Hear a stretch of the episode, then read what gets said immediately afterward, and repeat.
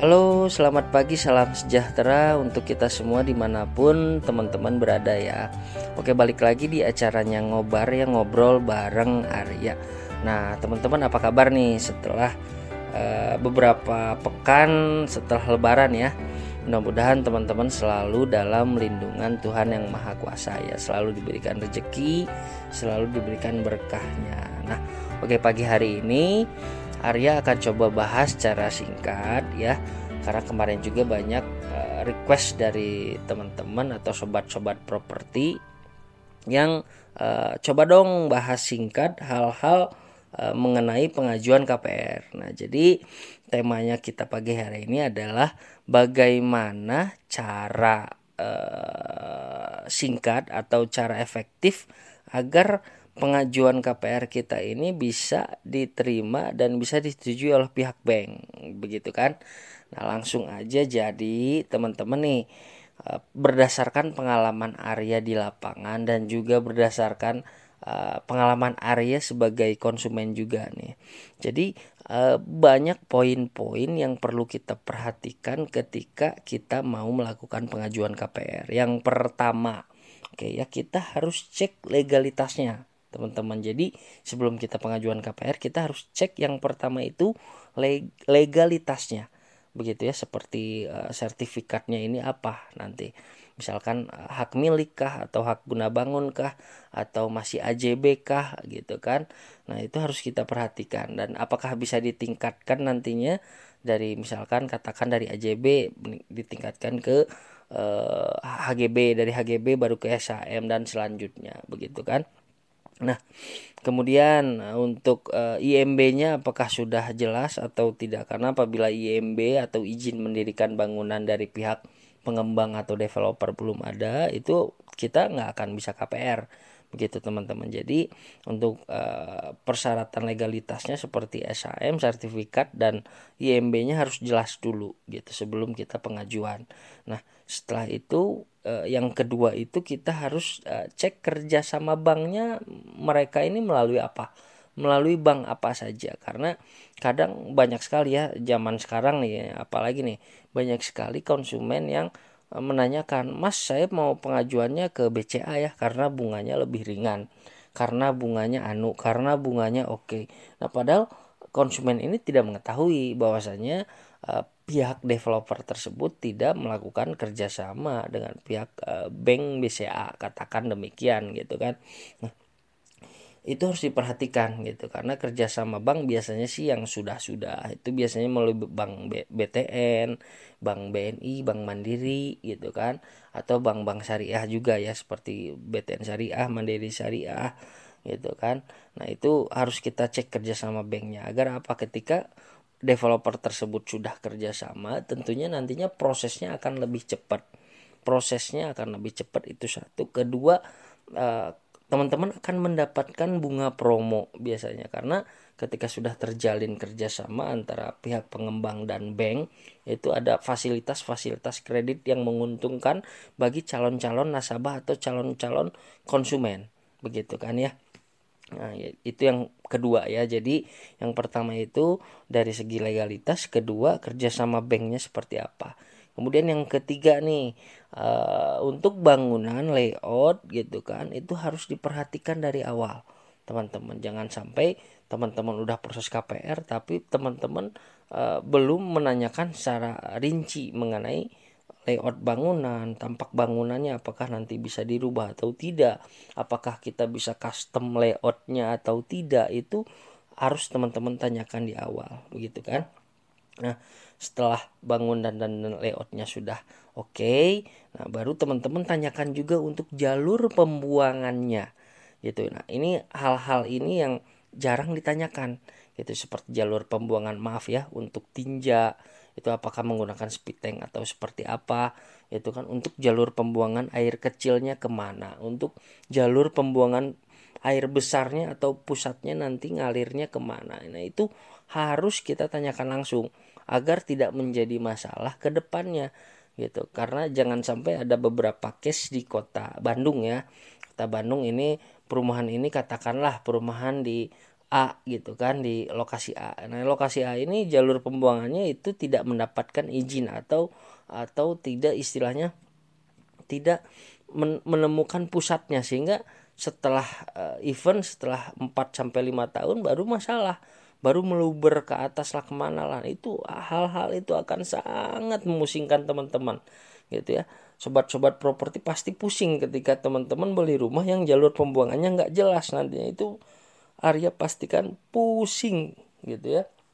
Makanya harus ditanyakan di awal jalur pembuangan. Karena jarang loh eh, konsumen atau kita ketika kita mau beli rumah kita tanyakan hal itu jarang banget gitu.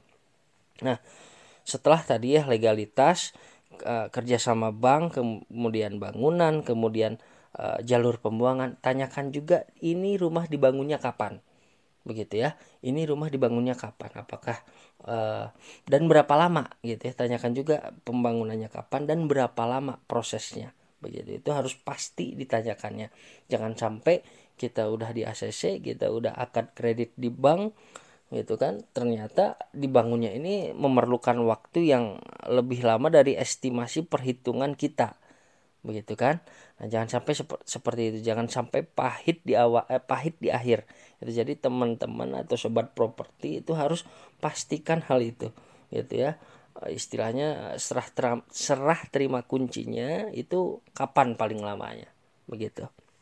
Nah setelah yang uh, tadi legalitas kerjasama bank kemudian bangunan dan layout kemudian pembangunannya kapan kita tanyakan kemudian jalur pembuangannya kita tanyakan barulah kita masuk ke proses-proses apa saja atau hal-hal apa saja yang dibutuhkan pada saat kita mau melakukan pengajuan KPR. Tentunya persyaratan-persyaratan basic itu seperti KTP, KK, NPWP, buku nikah bagi yang sudah menikah, itu harus ada persyaratan basic ya kita sebutnya.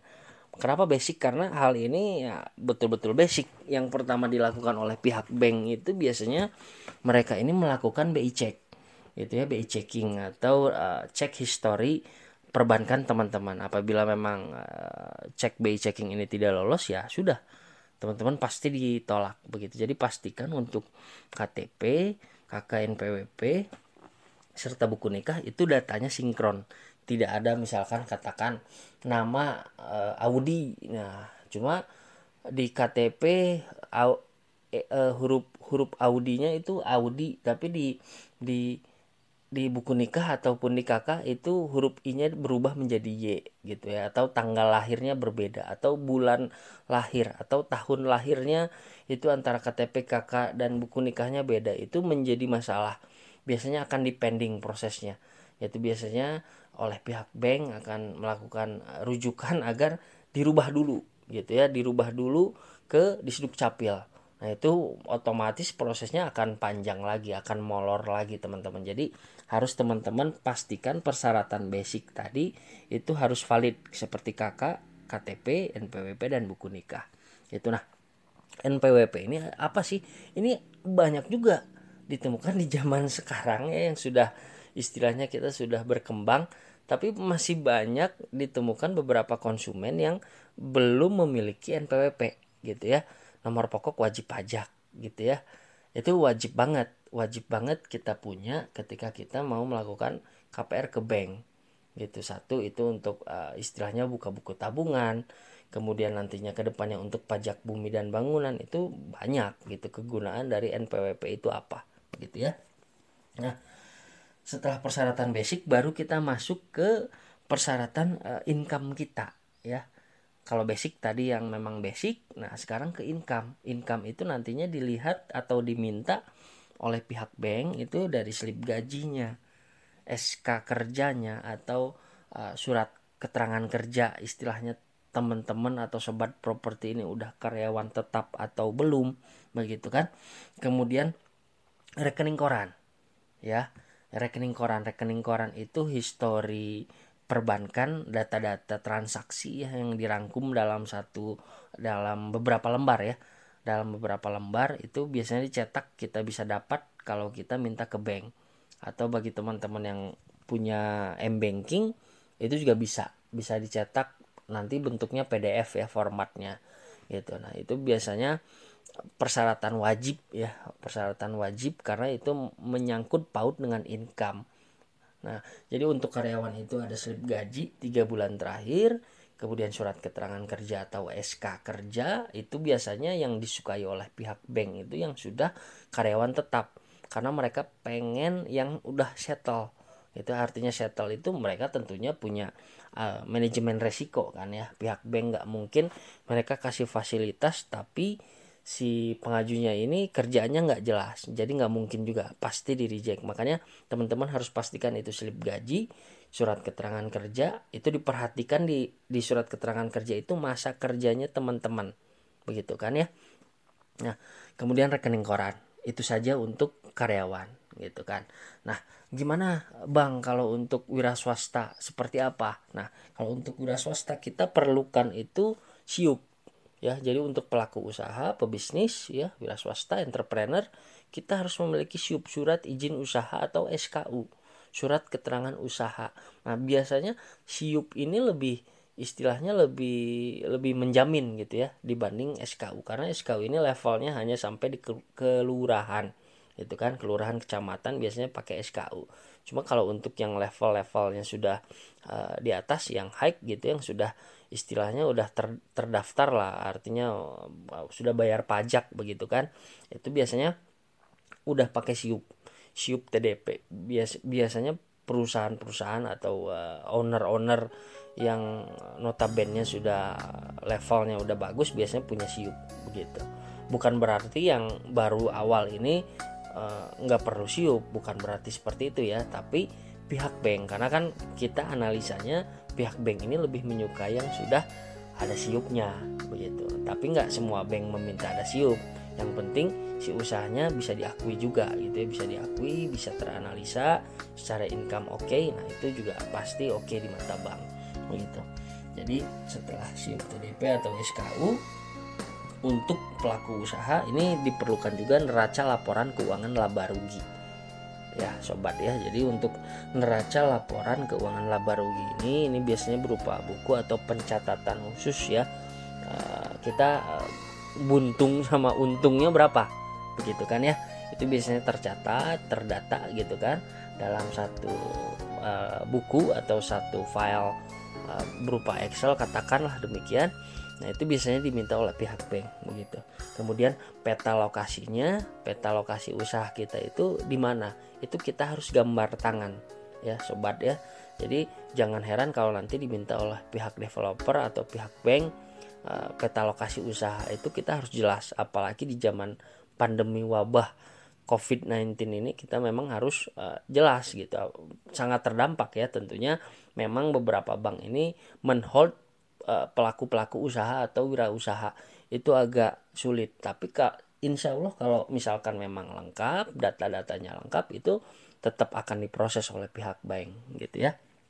Kemudian yang terakhir foto usahanya gitu. Jadi untuk pelaku usaha harus memiliki foto usaha. Foto usaha ini itu harus jelas seperti gudangnya tempat displaynya tempat eh, warehouse-nya atau uh, catatan bukti transaksinya gitu ya biasanya ada uh, kwitansi ataupun bukti-bukti transfer dari uh, konsumen ke kita ataupun bukti-bukti uh, yang mempertegas bahwasanya uh, kita ini benar memiliki usaha tersebut begitu. Nah, Bang gimana nih kalau yang usahanya kita online doang nih? Online seperti dropshipper atau reseller atau katakan online lah yang memang nggak memiliki barang di rumah begitu kan? Apakah bisa bang? Nah kita eh, jangan takut gitu. Jadi kita selama memiliki catatan data transaksi keuangan ya yang yang kita punya otomatis itu terekam biasanya dari rekening koran. Apabila rekening perputaran kitanya bagus kitanya ada jelas lengkap kita ajukan saja begitu kan banyak juga pelaku usaha yang yang memang memang e, di pertengahan tahun-tahun 2015 2016 memang agak sulit ya untuk yang online online itu agak sulit. Nah, cuma di 2018 sampai 2020 kemarin itu e, bagus gitu. Jadi masih bank ini sudah mulai mengakui itu karena online ini kan bagian dari bisnis gitu ya bagian dari uh, istilahnya profesi gitu kan. Masuknya ke pekerjaan wira swasta gitu kan. Yang penting ada datanya.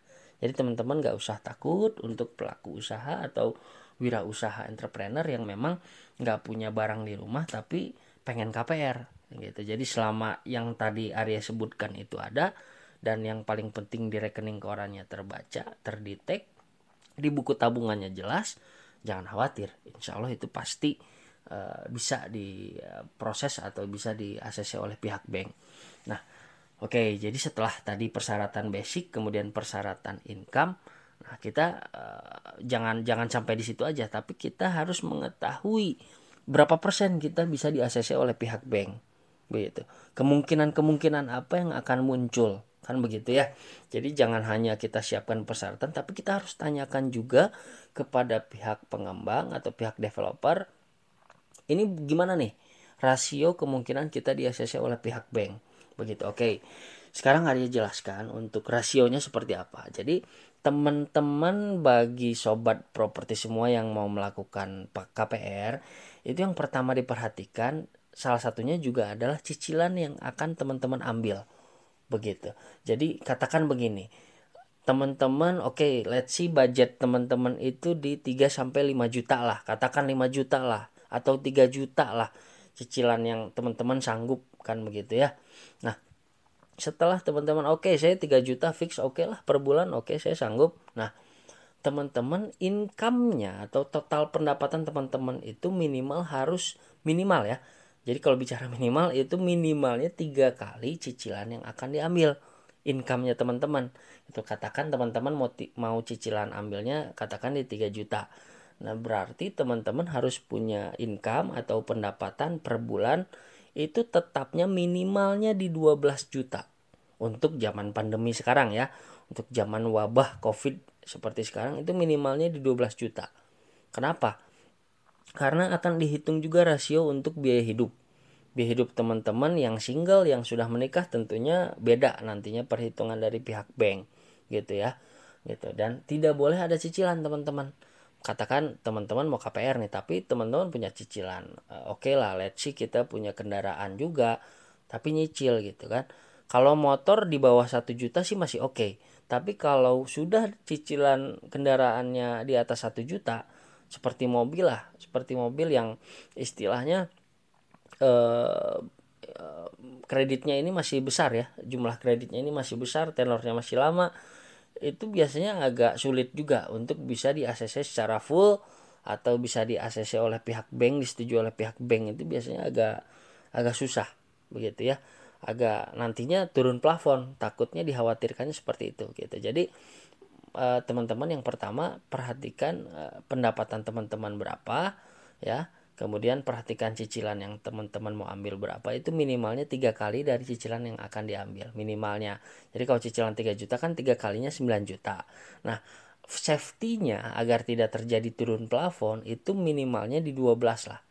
11 sampai 12 juta eh, dan dengan catatan itu single.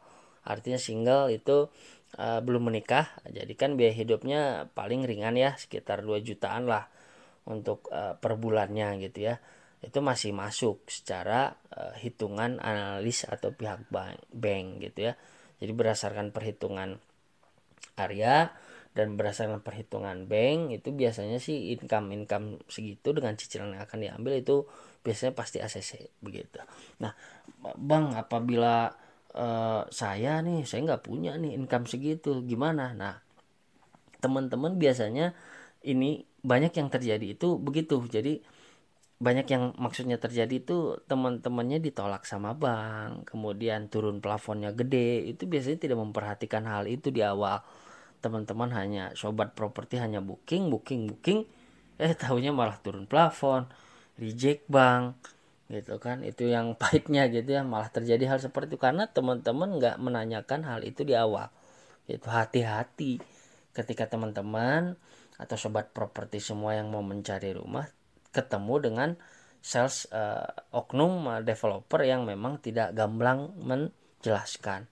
Itu teman-teman harus tanya rincinya seperti tadi ya. Gitu jadi dari mulai legalitas kemudian dari persyaratan KPR kemudian kemungkinan-kemungkinan ke depannya seperti apa teman-teman harus uh, harus tanyakan gitu agar nantinya nggak nggak pahit di akhir gitu ya. Nggak jadi beratawali gitu ya. Nggak jadi buah yang benar-benar pahit gitu kan di akhir. Yang nggak jadi mending pahit di awal tapi manis di akhir. Begitu. Nah apabila memang wah bang ternyata uh, saya di ACC nih. Alhamdulillah full ACC tidak terjadi turun plafon. Ya itu berarti sudah rezekinya teman-teman. Begitu. Jadi selama teman-teman yang tadi diperhatikan ya seperti persyaratan legalitas dicek gitu kan jalur pembuangan dicek uh, kerja sama banknya udah oke okay. kemudian bangunan dan layoutnya kita cek juga udah uh, sesuai keinginan kita kemudian kita perhatikan juga proses-proses persyaratan basic KPR seperti KTP, KKN, PWP serta buku nikah datanya sudah sesuai kemudian dari persyaratan income kita sudah mencukupi insya Allah proses pengajuan KPR teman-teman itu pasti akan lancar. Begitu teman-teman. Jadi eh, hal ini hal-hal ini yang memang jarang dijelaskan secara gamblang gitu ya secara gamblang oleh pihak developer. Ada sih banyak juga yang menjelaskan gamblang. Cuma beberapa karena teman-teman juga udah ngebet banget pengen rumah tersebut dan pihak agent atau sales in house-nya atau uh, agent developernya uh, menangkap sinyal tersebut ketika teman-teman survei ke lokasi. Jadi pihak developer ini seakan-akan ngepush teman-teman buat langsung booking. Gitu. Padahal teman-teman belum sempat mereview kembali ya, mereview kembali persyaratan teman-teman itu udah oke okay atau belum. Nah, biasanya juga terjadi hal seperti itu sehingga sudah booking barulah teman-teman ketika sudah mau proses bank barulah teman-teman bertanya kembali. Nah, itu hindari hal seperti itu ya. Jadi lebih baik tanya di awal, tanya lengkap di awal baru teman-teman pengajuan. Begitu oke. Okay? Jadi semoga apa yang Arya bahas ini cukup membantu ya, bisa membantu teman-teman di lapangan, bisa membantu teman-teman untuk uh, istilahnya uh, menjadi jalan berkah lah untuk punya rumahnya. Oke, jadi bagi teman-teman yang ingin melakukan tanya jawab karena ini kita kan sesinya kita single season ya. Ini Arya di acara ngobar ini kan single season. Jadi teman-teman bisa menanyakan atau konsultasi langsung. Nanti Arya kirimkan uh, link Instagram atau link WhatsApp atau link YouTube yang nanti Arya lampirkan juga di link podcast ini. Nanti teman-teman bisa melakukan sesi tanya jawab uh, online dan itu sifatnya gratis gitu ya. Insya Allah. Oke, baik teman-teman, cukup sekian ya di pagi hari ini. Mudah-mudahan uh, sharing season singkat ini bermanfaat bagi kita semua. Teman-teman diberikan kesehatan, teman-teman diberikan rezekinya. Bila taufik wal hidayah. Assalamualaikum warahmatullahi. Selamat pagi dan salam sejahtera untuk kita semua. Bye bye.